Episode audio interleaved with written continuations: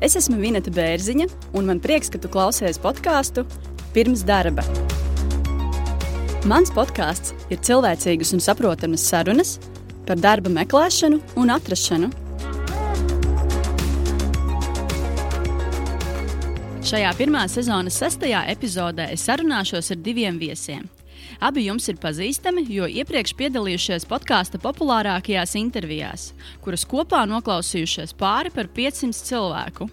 Vispirms pie manis viesosies sezonas pirmajā epizodē dzirdētais Kristaps. Šodien Kristaps stāstīs par to, kā viņš mēģina nopelnīt naudu, dibinot kontaktus un iepazīstinot cilvēkus klausies, tev ir tur pazīstams, tev ir tur pazīstams. Tu vari man ieteikt tādu cilvēku, tu vari ieteikt man tādu cilvēku. Un vienā brīdī es sāku domāt, Kāpēc tas tik bieži līdz manim nonāk? Pieļauju, ka es varbūt varu teikt, ka man ir viens cilvēks jau tuvāk Trumpam vai nevajadzības gadījumā. Ja? Ceru, ka tā tiešām arī ir, un tā nav mana ilūzija, ka tas profils tiešām ir reāls. Ieraudzīju mums Latvijā vienu sabiedrībā zināmu cilvēku, un nu, viņš vada raidījumus, man bija tāda baigā vēlme arī ar viņu iepazīties. Otrā saruna būs ar pagājušā nedēļā iepazīto Danu. Viņa šodien stāstīs, kā savu mīļāko nodarbošanos, mājas kārtošanu, padarīt par plaukstošu biznesu. Klausies, bet šis cilvēkiem ir vajadzīgs. Cilvēki ir noguruši no nekārtības. Un ļoti veiksmīgi īstenojās plāns A. Man nevienā brīdī nav bijis pat, pat laiks vai doma meklēt vēl kaut kādu algotu darbu pie kāda cita. Jo mans mērķis, runājot par darbu, dzīves griezumā, ir panākt, ka 50 gadu vecumā es beidzu strādāt. Tas ir mans dzīves mērķis. Čau, Kristap! No nu, čau, čau! Šodien es te uzaicināju, gribu aprunāties par kontaktu dibināšanu. Varbūt vari pastāstīt vairāk, vai tas ir tavs darbs, vai tas ir hobijs. Uh, no kontaktu dibināšana manā dzīvē varētu teikt, ka ir tāda uh, aizraušanās. Tā ir, uh, tā ir mana, mana degviela, kas manu mašīnu, saka, uz priekšu vada un, un, un ļauj viņai braukt. Jo, uh, manā dzīvē, arī ņemot vērā to, ka ir ļoti plaša un dažāda darba un projektu pieredze, caur to visu ir parādījies tas, cik liela nozīme ir kontaktiem. Tas, ka pie šīm daudzām iespējām esmu ticis pateicoties kontaktiem, un no šajām daudzām iespējām un pieredzēm es esmu ieguvis kontaktus. Un, ar katru projektu, kas man ir nācis tīri teiksim, tādā trepītē uz augšu, ja, vai nākamais solis, nākamais projekts, es ar laiku sāku redzēt, kā man noder iepriekš iegūtie kontakti. Un uh, laikam ejot, es vienā brīdī vienkārši pieķēru sev pie tā, ka man ir uh, ļoti daudz un dažādi kontakti. Tas viss tā dabiski arī notika, kad uh, ik pa laikam es tam tā nepievērsu uzmanību, bet draugi, kāds no ģimenes, ik pa laikam piezvana, klausies, tev ir tur pazīstams, tev ir tur pazīstams. Tu vari man ieteikt tādu cilvēku, tu vari ieteikt man tādu cilvēku. Un vienā brīdī es sāku domāt, kāpēc tas tik bieži līdz manim nonāk, kas, kas, kas, ka, kāpēc. Un tad kā, kaut kā to vairāk arī mazliet padomājot, panelizējot, paskatoties varbūt tīri tādā skaitļu ziņā, cik ir tie kontakti, kas ir pa pieredzēm, sāku prātot un izlikt to savā ziņā uz lapas, kur tad man ir tie kontakti, kādās nozarēs, kādos uzņēmumos. Un tad es atkal tā sāku arī atcerēties to, ka man līdz šim arī dzīvē patiesībā ir izdevies ar tādu savu veidu starpniecību veiksmīgi nodarboties, savadot kopā kontaktus uzņēmējs ar uzņēmējiem, nezinu, uzņēmējus ar uzņēmumiem, jā, vai vienkārši arī cilvēciņus ar kādām citām jā, iespējām, iedot viņiem darba iespējas. Un, protams, tad es tajā brīdī sāku domāt, kā, kā to visu monetizēt, kā to padarīt par savu biznesu, jo tā man tiešām ir lieta, kas mani aizrauja, kur es nejūtu laiku, teiksim, tā es to varu darīt arī kaut vai naktī, kaut vai no rīta, agri vai pa dienu, jebkurā dienas laikā, un es tiešām nejustos, kad es strādātu. Uh, ejot laikam uz priekšu, es uh, izveidoju teiksim, tādu Excel failu, ar saviem kontaktiem, bet ne jau pilnībā visiem. Piln, ar tādiem vairāk, teiksim, top kontaktiem, kur ir uzņēmumi, iestādes. Protams, GDPR ja, dēļ es neesmu ielicis vārdus, uzvārdus, telefonu numurus, ja tā tomēr ir datu izplatīšana. Es esmu norādījis vienkārši iestādes. Nu, un, teiksim, komentārs, amats, ja, kāda varbūt tas mans pazīšanās līmenis. Un es ik pa laikam vienkārši sāku šo Exceli izsūtīt, vai ne šur tur kādam cilvēkam, kādam atkal varbūt pazīstamam, draugam, kādam biznesam. Un, principā, tā doma no manas puses ir tāda, tu droši izēj cauri šim Excelim, tu ieraugi kādu iestādi vai kontaktu, ar kuru tu gribi iepazīties, vai tev vajag iepazīties, tu vērsies pie manis. Nu, lūk, un tad uh, viens no maniem tādiem pēdējiem piemēriem šajā Excel gadījumā, es gan tiešām neminēšu uzņēmumus un iestādes, jo viņas ir diezgan lielas. Teiksim, tā, es aizsūtīju šo Excel vienu uzņēmumu lielo biznesa klientu direktoram, un attiecīgi atkal no vienas ļoti tādas lielas iestādes bija viens nācis pasūtījums. Un atkal šajā gadījumā uh, bija jābūt komunikācijai ar vienu no ministrijām. Un, attiecīgi, tas nebija nekāds korupcijas veicināšanas zvans, tas bija tīri, lai šo komunikāciju, kā saka, iekonomētu laiku šo komunikāciju. Un tajā brīdī cilvēks bija pamanījis, ka manā kontaktu listē ir viens no ministrijas cilvēkiem, un attiecīgi uh, es veicu zvanu un tīri konsultējos, kā labāk komunicēt, kā tai pusē rīkoties, darīt. Un, jā, un tas bija viens no tādiem maniem spilgtākajiem momentiem, kurā es sapratu, ka uh, ja man teiksim, tā uztic jau šāda līmeņa informāciju, ja šis Excel var eskalēties tādā veidā, tad uh, ko es varbūt vēl nezinu, ko es varu izdarīt. Pagājušo gadu arī sākot savu projektu, viens no maniem fokusiem vispār ir uh, jaunie uzņēmēji, jaunie censoņi. Tad lielā mērā es arī sapratu to, ka mans nākotnes mērķis vispār ir investēt biznesos. Un sapratu, ka šajā brīdī tas, ko es varu investēt, ir nevis nauda, bet savs laiks un savi resursi. Un tas mans resurss ir šie kontakti. Un lielā mērā es uzrunāju, lasot to pašu dienas biznesu, Facebook, kur ir kāda raksta informācija par jaunajiem uzņēmējiem, jaunajiem censoņiem, par veiksmīgām idejām, kas tikko realizējušās vai varbūt jau strādā uzdodu kontaktu, viņus uzrunājot, es viņiem uzdodu jautājumu, viņus uzrunājot. Kur tev trūkst kontakti, lai tu varētu teiksim, tā labāk attīstīties un tālāk mhm. attīstīties. Mm -hmm. Kur tu, kur tu viņus uzrunā tos cilvēkus? Lielā mērā tas viss ir meklēšanas process. Tas ir, ja rakstā ir norādīts vārds, uzvārds, protams, googlē meklējam vai ne, ir reizēm paveicās, kad ir parādās pat cilvēku telefona numurs, e-pasts, bieži vien tas ir tas pats Facebook vai ne. Kā, nu, man, teiksim, vienmēr mērķis pats primārākais ir maksimāli izvairīties no rakstīšanas, jo tas paņem laiku laiku, un tas nav tas. Uh, Tur nav tā personīgā pieskārienu, teiksim, tā vai ne? Tās, tās kaut kādas tās pirmās sajūtas. Un man vienmēr mērķis ir nokļūt jau pie telefona vismaz sarunas, jo tad ir ātrāk, efektīvāk, tu jūti intonāciju, emocijas, un tad tu vari rīkoties. Un, eh, un lielākoties, jā, caur to arī pagājušajā gadā arī man izdevās satikties ar eh, pāris arī cilvēkiem, jauniem uzņēmējiem. Attiecīgi man arī tāpat laikā kontaktu listē ir pāris tā saucamie riska kapitāla investori, investori vispār kā tādi. Un tad dažus no šiem projektiem, kā prezentācijas, es bieži vien arī tālāk sūtu šiem visiem investoriem potenciāliem. Un, nu, šādā kontekstā ieguvums ir potenciāli vai nu procenti no darījuma, vai arī attiecīgi daļas uzņēmumā. Kurš tev pašam ir tāds aizraujošākais, interesantākais stāsts šajā kontaktu dibināšanā? Uh, mans pats interesantākais un pašam priekš manis uh, vislielāko teiksim, azartu rada uh, lieta, ko es uh, savā ziņā uzsāku jau pagājušo gadu, bet es viņu uzsāku tā ļoti. Uh, ļoti teiksim, spontāni.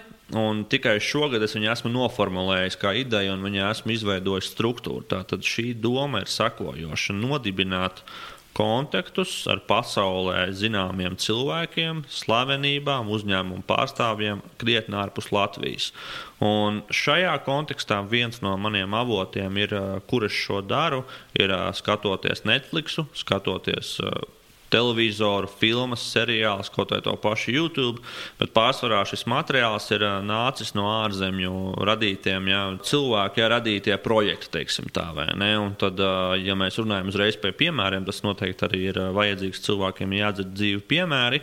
Viens no pirmajiem bija, es skatījos raidījumu, Netflixā tāds raidījums Amazing Interiors, un katrā epizodē ir principā trīs stāsti par cilvēkiem, kuriem ir tādas neparastas dzīves vietas un nestandarta eksperti. Attiecīgi, vienā no epizodēm bija viens vīrietis, kurš dzīvo Teksasā. Viņa aizraušanās ir automašīnas, un viņam ir sava garāža, kur viņš šīs automašīnas uzlabo, remontē, restaurē. Un viņš izlēma, ka viņš vēlās kā, nu, to savu dzīvi dzīvot teiksim, tajā garažā. Bet tā garaža bija diezgan liela, augstiem griestiem. Viņš varēja atļauties un uztaisīja no metāla konstrukcijām otro līmeni, kur viņš ielika jūras konteinerus, kurus viņš atkal arī pārtaisīja par kā, nu, dzīvojamo platību. Teiksim, mm -hmm. Un es kaut kā ļoti intuitīvi izdomāju, pamēģināšu vienkārši ierakstīt viņa vārdu, uzvārdu nu, Google, un parādījās, ka viņam ir sava mājaslapa. Un mājaslapai bija apakšā telefona numurs. Un, uh, nākamais solis bija, es saglabāju viņa telefona numuru, un es paskatījos WhatsApp, vai man parādās, nu, kad ir jauns kontakts ieglabājies, kuram ir. Ja, mm -hmm. Tas, tas viens veids, kā to pārbaudīt. Ja tas kontakts ir WhatsApp, tad viņš to parādīsies pēc tam. Un viņš parādās, es ok, nebiju gaidījis. Es viņam uzrakstīju, ka, nu, sveiks, nu, angļu valodā sveiks, es tevi tikko redzēju Netflixā. Un uh, savā ziņā es to nu, vienkārši uzrakstu, jo es vispār dibinu kontaktus, vai ne? Man patīk, es to nebaidos darīt. Un, uh, vai tu būtu ar mieru vismaz uz kādu telefonu sarunu, vai ne? Un tad jau es tev pastāstītu vairāk par sevi un kāpēc es to daru. Un no viņa bija diezgan ļoti patiesībā laba atsaucība. Un beigās, jā, nedēļa vēlāk mēs sazvanījāmies WhatsApp un vairāk kā pusstundu norunājām. Un, un, protams, tā saruna bija mums abiem diviem. Varēja just, ka abiem diviem ir tāds, nu, kaut izskaidro tik ļoti tāds enerģijas pieplūdums, tāds tiešām prieks, ka kaut kas tāds noticis. Kā, savā ziņā kaut kas tāds neticams, vai ne, bet tikai nekas neiespējams. Un, uh, un tā kā man ir arī potenciāli bijuši projekti un ir saistība ar auto nozari, tad atkal mēs runājām ar viņu par to, kā mēs varētu kādā nākotnes vēlākā formātā, pieņemsim, izveidot sadarbību par auto, automašīnu tēmām, kaut arī to pašu automašīnu pirkšanu no Amerikas uz Latviju vešanu, nu, vai kaut kā otrādāk vai citādāk projekti.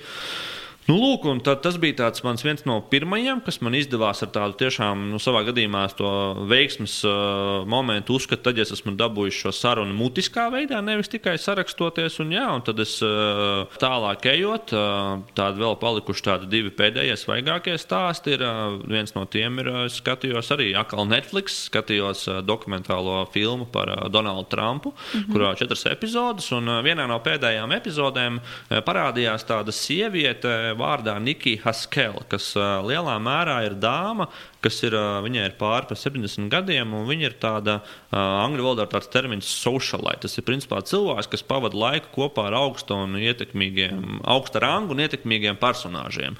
Un viņa ļoti ilgus gadus ir joprojām arī laba draudzene un atbalstītāja Trumpam. Un, un, un šajā gadījumā es iedomājos, ok, nu, ņemsim tālāk jau lielākas kārtas vai ne. Un, uh, Atradu arī viņu Facebook, spriežot pēc tā visa satura, tīri pāanalizējot, uzmetot acis, šķiet, ka tas nevarētu būt viltus profils. Ja? Ok, uzrakstīju viņai, nu, un pagāja pat diezgan neilgs laiks, viņa man bija atbildējusi. Un, un tajā brīdī mums sākās saraksts, es arī skaidroju sevi, kāpēc ar viņu sazinos, par iepriekšējām pieredzēm pieminējos.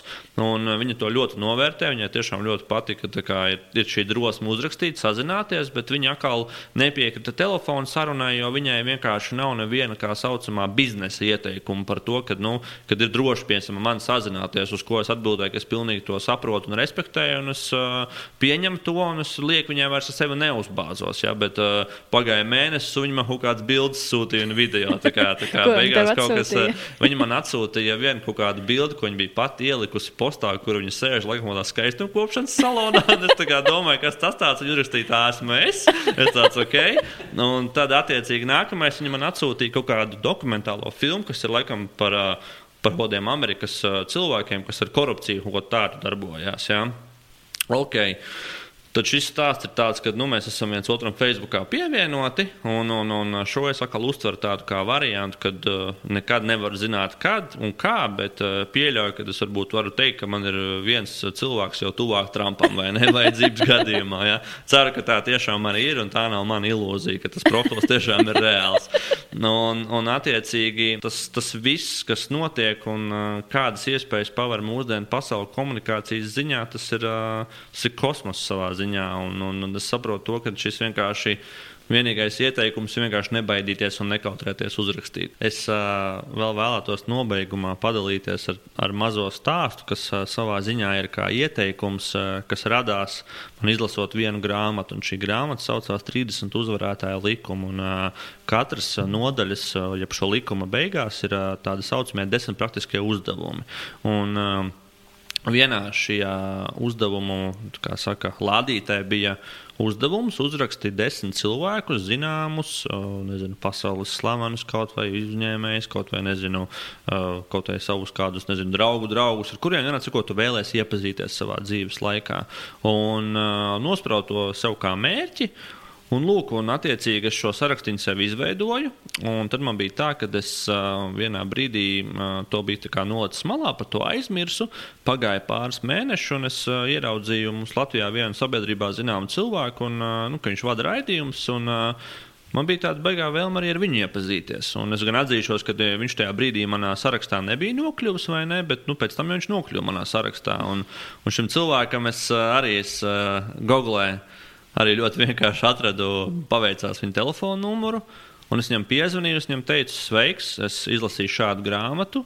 Tur bija jāizdara šāds uzdevums, un šajā sarakstā tu esi viens no cilvēkiem. Un, viss, un tajā brīdī es jūtu to, ka uh, tas ļoti salauza ledu, jo cilvēks vienkārši nebija gaidījis neko tādu. Mm -hmm. Es to savā ziņā kopš tā momenta iesaku cilvēkiem, ja kādreiz tev varbūt nav ko teikt, vai tu tiešām ļoti gribi aiziet iepazīties ar kaut kādu savu, nezinu, sporta zvaigzni, kas tev tiešām patīk, vai kā citādāk, vai, nu, cilvēku, kurš tavs augsts, ko tu vēlēsies satikt, un tu nezini, baidies, un tu esi apstulbs, ko viņam teikt, tad es noteikti laikam varētu ieteikt šo vienu kā veidu, kā izmantot. Jo, jo tas arī tam otram cilvēkam rada siltu sajūtu, ka tu esi veltījis savu enerģiju, viņu ierakstījis pat savā blociņā, ka gribi viņu satikt vai ne. Un, un es pieļauju, ka viņš no to neaizmirsīs. Kontaktu dibināšana ir lielisks veids ne tikai rekrūteriem, kā atrast darbiniekus un tā tālāk, bet arī kā, kā dzirdam, kā redzam, to var pārvērst hobijā un iespējams iespējams nākotnē Kristaps to pārvērtīs kādā lielākā projektā. Es ļoti ceru, ka viņam viss izdosies, un mēs noteikti vēl dzirdēsim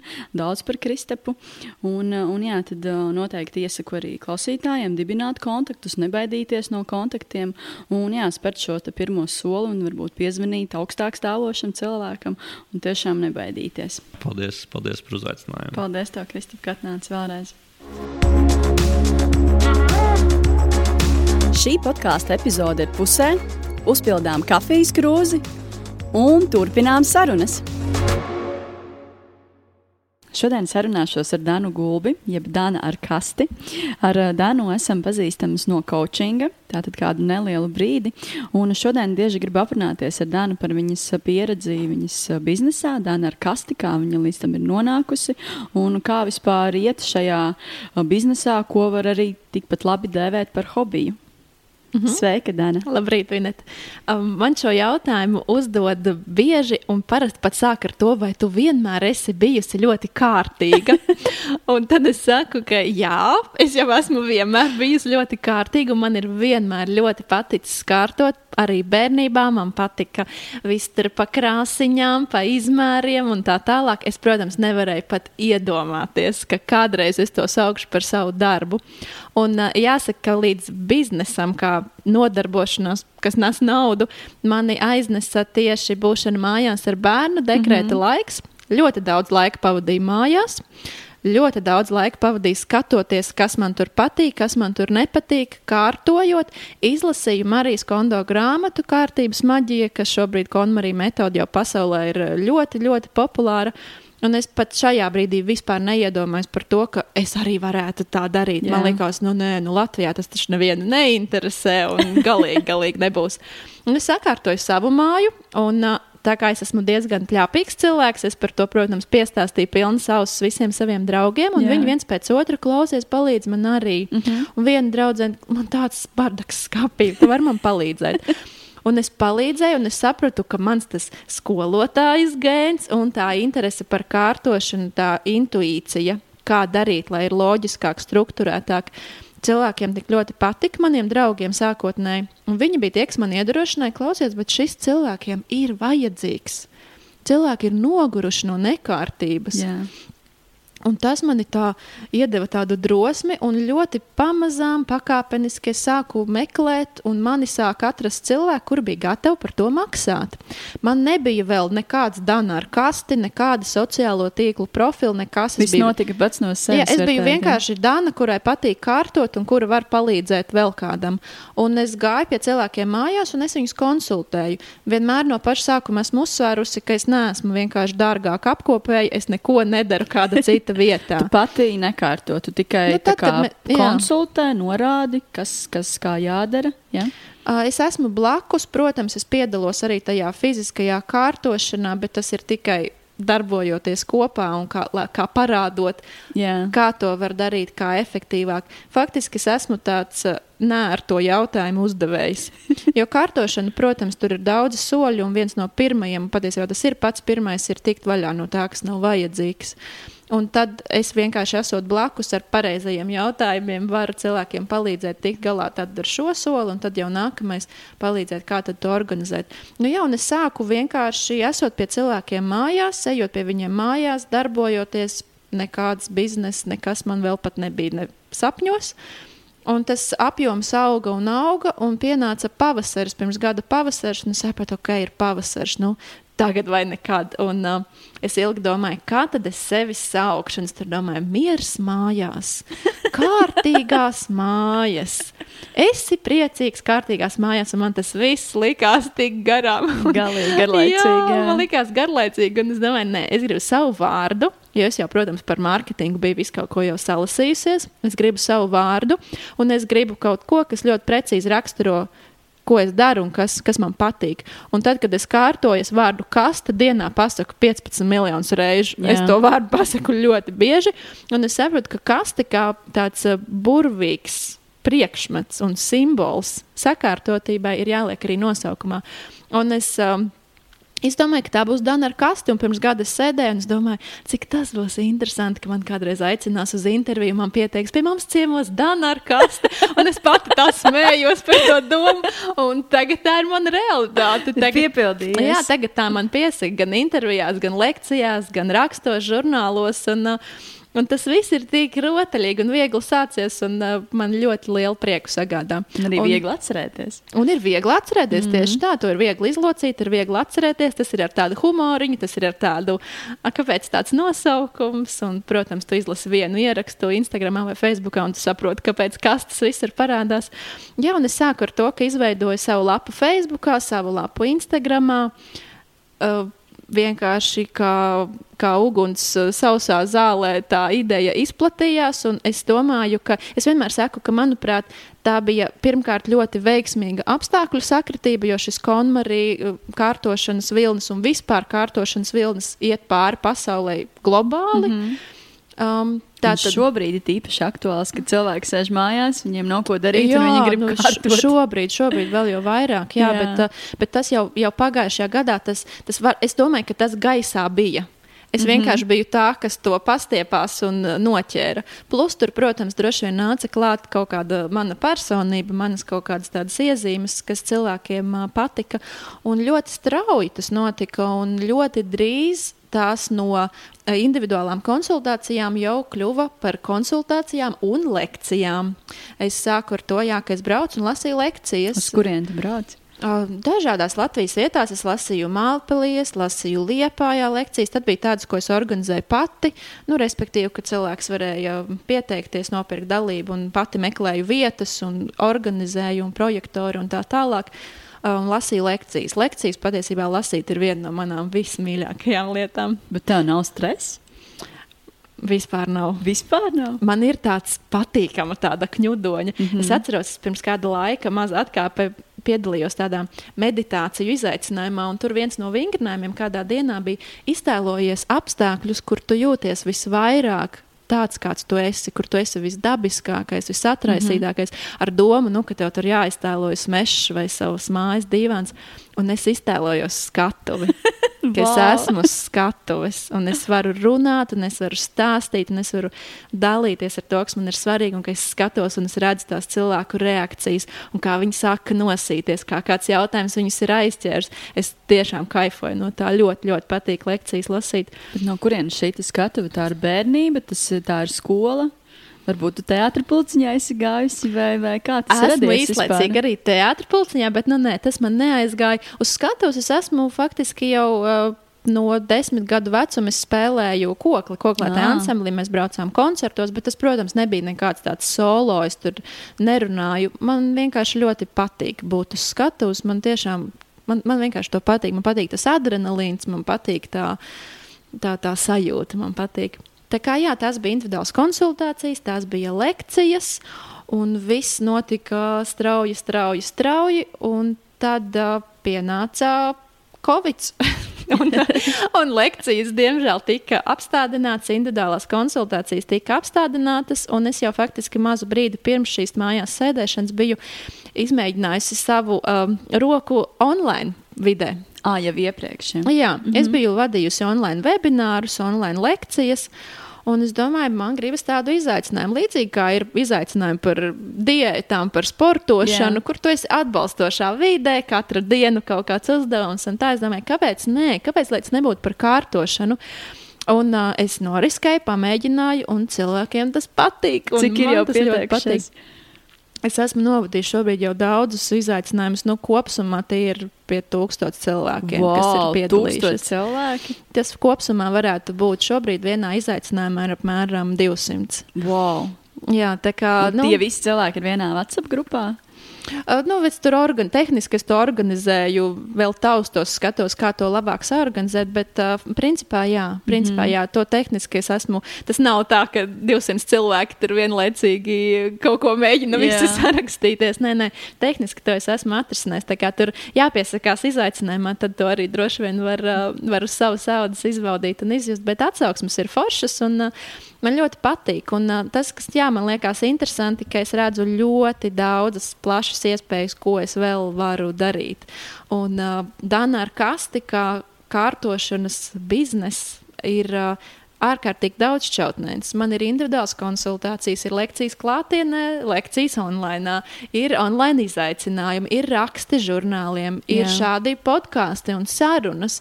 Un ir ļoti daudz dažādu formātu. un Man liekas, ka tas mani pasargā no tādas izdegšanas, no tā, ka vienkārši nu, Ir apnīk. daudzveidība. Ja. Arī Jā. uzņēmumiem tu konsultēji, skatījos to Jā, blogu. jā, jā, jā, es esmu bijusi arī uzņēmumos, kur konsultēju darbinieks par to, kā uh, sakārtot vidi tieši darba vietā, kā sakārtot vidi mājās. Uh, jo es esmu pilnīgi 150% pārliecināta, ka kārtošana ir daudz vairāk nekā mehāniska priekšmetu pārbīdīšana un izmešana. Es to uzsveru uh, katrā savā lekcijā, katram savam klientam. Mani neinteresē šī joma vienkārši tāpēc, ka kaut ko, kaut ko pakrāmēt, lai smuki izskatās. Es to redzu kā pirmo soli, lai sakārtotu savu galvu. Patiešām es tam ticu, ka ļoti daudz cilvēku mūsdienās ir apjukuši un mm -hmm. dzīvo bardakā. Dažāda veida bardakā. Fiziskajā, materiālajā, digitālajā, emocionālajā ir bardaks, ir pārsātinājums. Un sakārtot nenozīmē dabūt kaut ko sterilu vai nedzīvu. Tas nozīmē ieviest kaut kādu struktūru un atraisīt enerģiju, ko tu vari dzīvot, vērtīgu dzīvi. Un ir ļoti grūti, esot haotiskā fiziskajā pasaulē, kārtot savu mentālo mm -hmm. Tāpēc man liekas, ka tā fiziskās pasaules sakārtošana, organizēšana ir vērtība pati par sevi, jo tu tiešām dabū skaistu, patīkamu māju, bet tas ir pamatakmens, lai tu varētu tālāk kārtot savu dzīvi. Lieliski izklausās. Es skatījos Instagram, ka tev nu jau ir gads. Mm -hmm. Martā bija gads, mm -hmm. Danā ir kasti. Kā tu pie tā nonāci? Es zinu, ka tu iepriekš strādāji bērnu dārzā. Un, jā, vai tu apvienoji šo, šīs divas lietas? Kā, kā tu to vispār darīji? Pastāsti. Mm. Mm, Sākumā tas notika paralēli. Es, kad es izveidoju ar kasti pirms gada, es vēl joprojām strādāju bērnu dārzā. Mm -hmm. Strādāju pilnslodzes bērnu dārzā, un sākumā tas viss bija paralēli. Es tikos ar individuāliem klientiem pa vakariem, pa sestdienām. Un, jā, tajā brīdī, kad es sapratu, ka okay, grāmata tūlīt būs izdota, jo bija brīdis, kad viss notika paralēli. Man bija Dana ar kastes, rakstīja grāmatu un strādāja pilns lodziņš bērnu wow. dārzā. un, uh, tas brīdis bija tāds intensīvs. Un tajā brīdī, kad es sapratu, ka es eju prom no bērnu dārza, es biju ļoti piesardzīga attiecībā pret Danu ar kasti. Es biju sev izvirzījusi trīs plānus. Plāns A. Viss aiziet baigi labi, un es daru tikai Danu ar kasti. Plāns B. Es daru danu ar kasti un kaut kādu puslodes darbu, kaut kādā vienkārši citā jomā, lai naudu nopelnītu. Un plāns C, ka viss man dana ar kasti izgāšanu, es vienkārši eju meklēju pilnas slodzes darbu kaut kādā sev jaunā nozarē. Un ļoti veiksmīgi īstenojās plāns A. Un man nevienā brīdī nav bijis pat, pat laiks vai doma meklēt vēl kaut kādu algotu darbu mm -hmm. pie mhm. kāda cita. Un, jā, tas nu, gan, gan finansiāli, gan laika ziņā man šis darbs tiešām piepilda. Tas sniedz to, ko es, ko es sagaidu no savas dzīves. Tu šobrīd mācies coachingu. Kā mm -hmm. tu līdz tam nonāci un kā tas varbūt ir saistīts ar Dānu ar kasti? Coachings man ir uzrunājis jau vairākus gadus. Man šī doma ļoti patika, un to līdzīgi kā kārtošana man ir pamudinājuši kaut kādā ziņā draugi. Man ir vairākas draudzenes, kuras ir teikušas pēc sarunām ar mani, ka klausies, Dana. Tev vajag naudu par šīm sarunām ņemt. nu, kad tu tā iedvesmo un pacel. Un, protams, kas šīs ir par sarunām? Nu, man jau liekas, vienkārši parastas sarunas. Nu, bet, eh, bet man liekas, jā, man patīk tas, ka man patīk kaut kā redzēt to kopējo bildi, mm -hmm. kaut kā mhm. savilkt kopā kaut kādus secinājumus, kaut kādus citu punktu, kā paskatīties. Un faktiski to arī dara coachings, un es gadiem par šo domāju. Teikšu, godīgi, man ilgi ir atturējis tas, ka tās ir tiešām lielas izmaksas. Tas Jā. ir, tas ir augstskolas uh, diploms cenas mm. ziņā. Un tāpēc es ļoti ilgi šo atliku un domāju, vai tiešām tas ir tā vērts. Vai, jo man, protams, ir svarīgi, vai es varu ar darbošanos to atpelnīt. Nu, cik, Jā. cik, man ir, uh, cik man ir jānopelna, lai es vismaz pa nulēm esmu šajā ieguldījumā. Uh, Un, jā, un šajā brīdī, kad man jau ir tie daudzie tūkstoši sekotāji, sapratu, ka man ir mana mērķa autori, man ir mana bāze, kur es varēšu sākt, kur es varēšu šo coachingu pievest un, un, un ieviest. Un tas man pamudināja pieteikties, un es esmu ļoti priecīga, ka es pieteicos. Satiku foršus cilvēkus, tā skaitā tevi. Un, Paldies. un es redzu, ka coachings man ir ļoti vērtīgs gan jau tajā, ko es daru, gan ka tā būs uh, kā atsevišķa atsevišķi jau tāds vēl papildus ceļš, kā tīrs coaching, kā tīrs coaching konsultācijas. Iespējams, kaut ko es online arī sarīkošu, nu, tad jau redzēs. Bet kas tas tieši priekš tevis ir coachings? Ko tu, ko tu vēlēsi pateikt cilvēkiem, nezinu, mācīt viņus, konsultēt viņus, iedvesmot, ko mm. tu vēlēsi panākt? Mm, coachings mani ārkārtīgi lauž tajā ziņā, ka tas faktiski liek man atteikties no mana kā es bieži saku, skolotājas gēni. Padomi un jā, jā, jā, jo coachings ir pilnīgi pretēji tam. Coachings ir par to, ka tu notici cilvēku iekšējiem potenciālam, ka tu notici, ka cilvēks pats var tikt pie rezultāta, un tu esi tas varbūt lukturītis, kas viņam rāda, kurā virzienā vienkārši iet un kurā virzienā varbūt skatīties un kur, kādus jautājumus cilvēkam pašam sev uzdot. Nevis dot padomus un nevis mācīt. Un tāpēc tas mani gan tādā personiskā ziņā ļoti lauž. Tas ļoti maina to, kā es komunicēju ar cilvēkiem, kā es komunicēju arī ar saviem klientiem.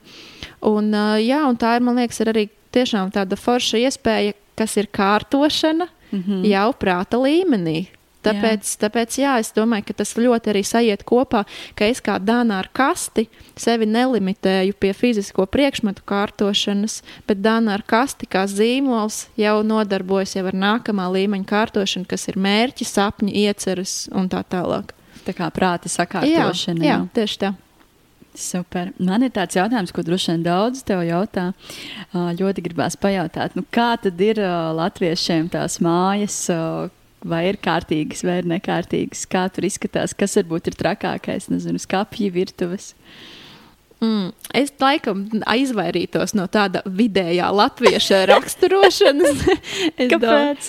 Nu, tāpēc, ka es, man, man godīgi sakot, vispār, ja cilvēkus likt kastēs, man gan nepatīk. Ja priekšmets varam likt kastēs, tad cilvēkus Jā. labāk nē. Tas ir ļoti, ļoti, ļoti individuāli. Es gribētu teikt, ka Latvijā mēs esam tā ļoti tādā foršā viducī.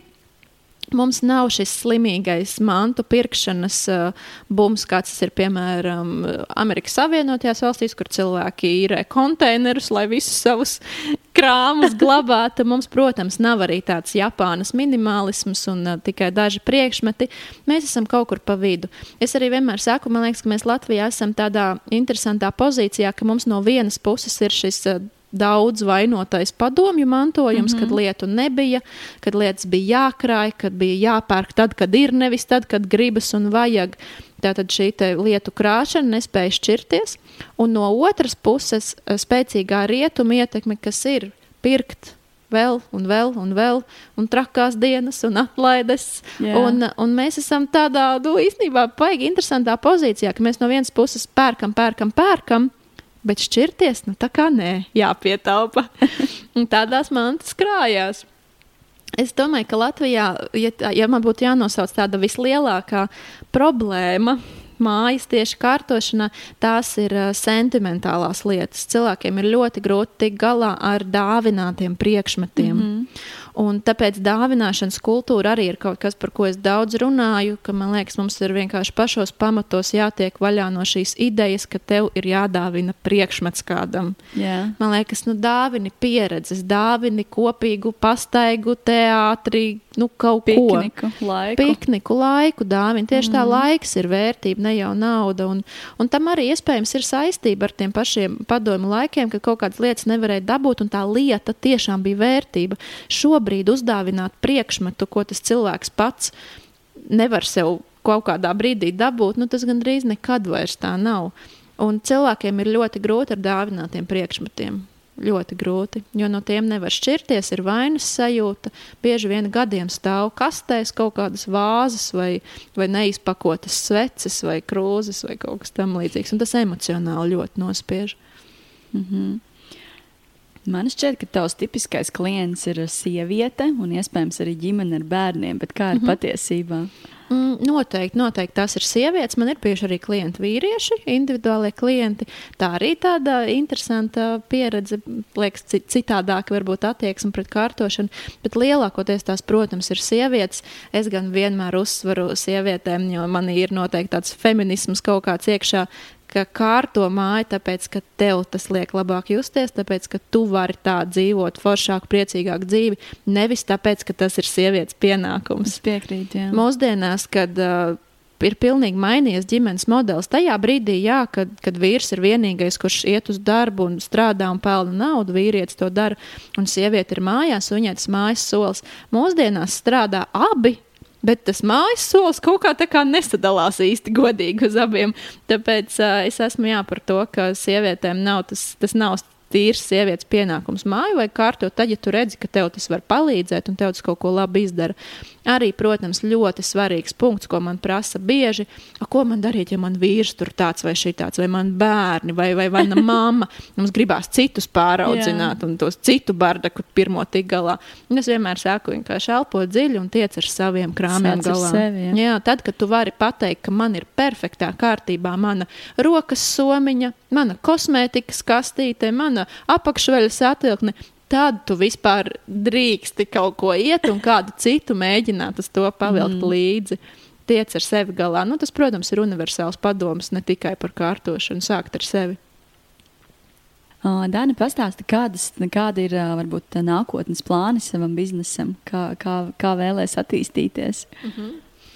Es šobrīd pati arī apmeklēju koču Un uh, tas man noteikti Oho. palīdz, jā, tas man noteikti palīdz daudz labāk strukturēt, ko tad es no šī sagaidu. Jo, kā jau stāstīju, tas sākums bija tik plūstošs un tik tāds pa jokam, kā tāds hobijs, kas vienkārši mm -hmm. netīšām gandrīz vai sanāca par biznesu ka mani tā mulsina, nu, kas notiks tālāk. Bet šobrīd, jā, es jau ļoti mērķiecīgi sāku domāt, ko es gribu darīt, kā es gribu, lai tas izskatās. Es ļoti arī, protams, skatos gan no finansiālā, gan no laika viedokļa, kas prasa lielāku ieguldījumu, kas prasa mazāku.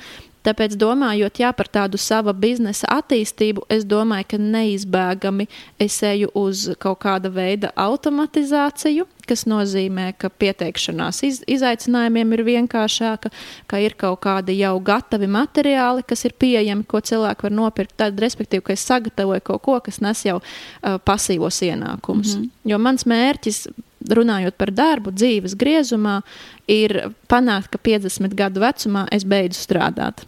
Tas ir mans dzīves mērķis. Ka 50 gados es esmu sakārtojis savu dzīvi tā, ka man kontā ienāk pietiekoši daudz līdzekļu, lai es varu izvēlēties, vai es gribu strādāt, vai es negribu. Mm -hmm. Un uz to es arī eju ar savu biznesu, tātad uz šiem pasīvajiem ienākumiem, jau gataviem produktiem. Otrs, eh, noteikti, es domāju, agri vai vēl tie būs kādi darbinieki, asistenti, palīgi mm -hmm. un, un tam līdzīgi.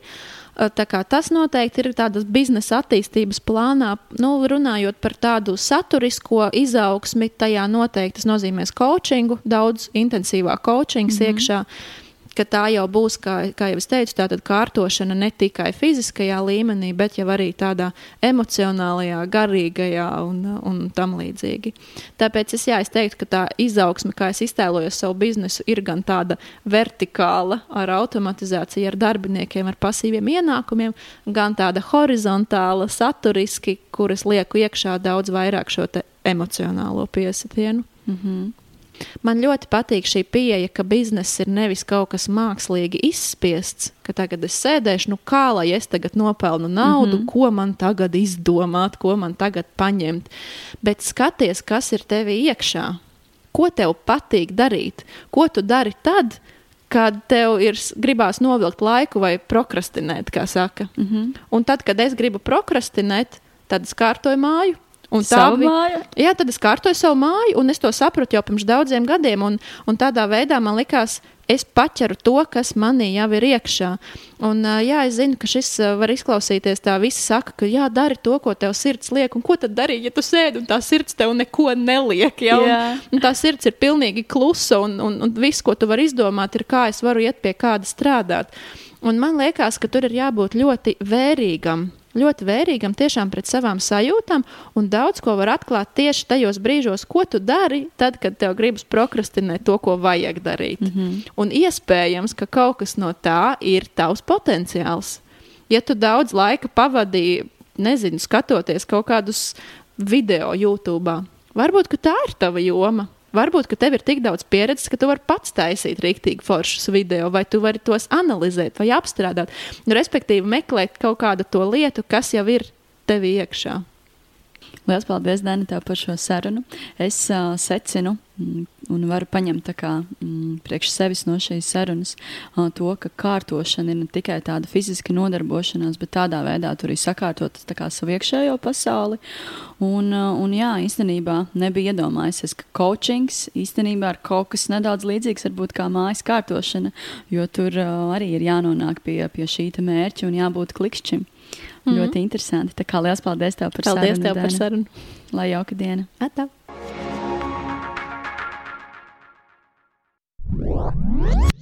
Tiešais jautājums. Katrā epizodē es klausītājus lūdzu atbildēt uz jautājumu par vienu sarunā aizskarto tēmu. Šodienas tiešais jautājums ir: Vai tev ir pašam sava biznesa ideja, kuru tu plāno īstenot? Lai nobalsotu, nāciet uz Facebook lapu podkāsts pirms darba. Jūs noklausījāties podkāstu pirms darba. Katru otrdienu es publicēšu jaunu epizodi. Lai nepalaistu to garām, sadraudzējies ar mani Apple un Google podkāstu platformās un Spotify Seko podkāstu tapšanas stāstiem Facebook un Instagram. Raksti komentārus, iesaki sarunu tēmas, pastāsti savu darba meklēšanas stāstu. Uz sadzirdēšanos!